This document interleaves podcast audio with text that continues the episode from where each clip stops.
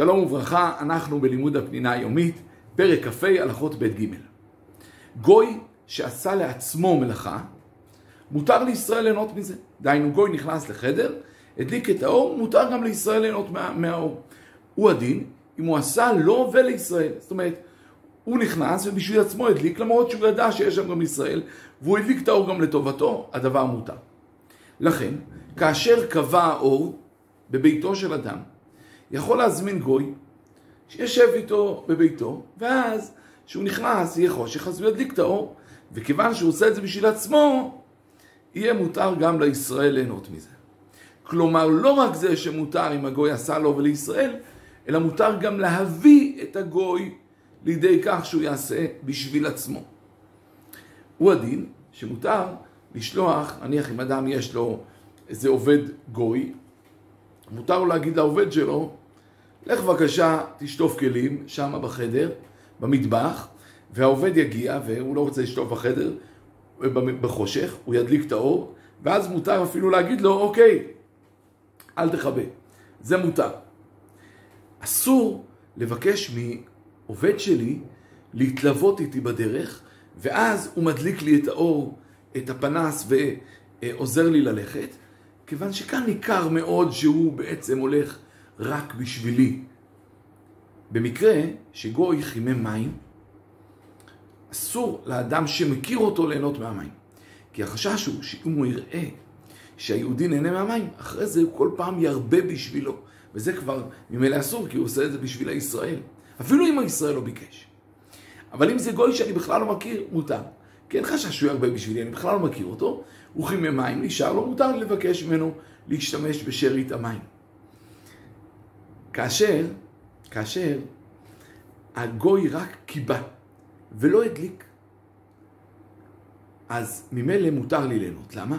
כי אין כאן איזה משהו, איזה מלאכה שהוא עשה בשבילי, אלא זה רק כיבוי. זה רק הסיר מונע, הסיר אור, הסיר בעיה, ממילא הדבר מותר. במקרה שגוי הלך וכתב פירות, או, או דג דגים, או חלב פרה, מכיוון שהפירות, הדגים, החלב היו מוקצה, אדם לא חשב שהוא יכול להשתמש בהם, אז גם שהגוי לא עשה בשבילי, אפילו גוי שאני לא מכיר, יהיה אסור לי ליהנות כיוון שזה מוקצה. כל מה שאמרנו שאסור ליהנות מלאכת גוי, זה דווקא בדברים שלא יכולתי לעשות אילולי המלאכה שלו. אבל אם יכולתי לעשות מותר, לדוגמה, היה אור קטן בחדר. אמנם לא יכלתי לקרוא, אבל בהחלט יכלתי להסתובב ולראות ולערוך שולחן ולאכול. ועכשיו הגוי הדליק אור גדול.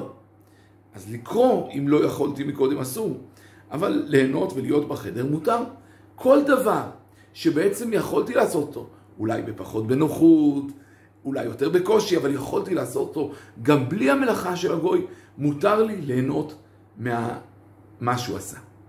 עכשיו, כל מה שאמרנו שמותר לי לענות, אם זה, כמו שאמרנו, דבר שכבר יכולתי מקודם, אם זה רק מכיבוי, כל זה עדיין לא מתיר לי להגיד לו לעשות. בשום אופן אסור לי להגיד לו לעשות מלאכה. מה מותר? מותר רק לרמוז בדרך של סיפור. שימו לב, מאוד חשוב. גם רמיזה סתמית אסור, רק רמיזה בדרך של סיפור. דהיינו, לבוא ולהגיד לו, תעשה את הדבר שצריך לעשות, אסור. תעשה לי טובה, אני לא יכול לישון כאן, אסור. כי אתה בעצם אומר לו בדרך רמז מה לעשות. אבל בדרך סיפור מותר. מה זה סיפור? אתה יודע, קשה לסדר את הבית שהאור פה חלש. זה סיפור, זה לא הפניה למעשה. זה לא להגיד לו, תקשיב, תעשה לי טובה, אתה רואה שקשה לסדר את הבית שהאור חלש. לא. רק לספר את הסיפור בלי הפניה למעשה, זה מותר. זאת אומרת, בעצם אם אני מסכם, כדי ליהנות ממלאכת גוי, צריך א', שהוא לא יאמר לו אלא בדרך סיפור, אפילו לא ברמז תמי, רק סיפור. דבר שני, שלא ייהנה מדבר שהוא לא יכל לעשות לפני זה. כל זה כמובן רק במצבים רגילים. אם מדובר בצורך מצווה או צורך גדול, אז בעזרת השם אנחנו נראה מחר מה הדין. שלום ושלום.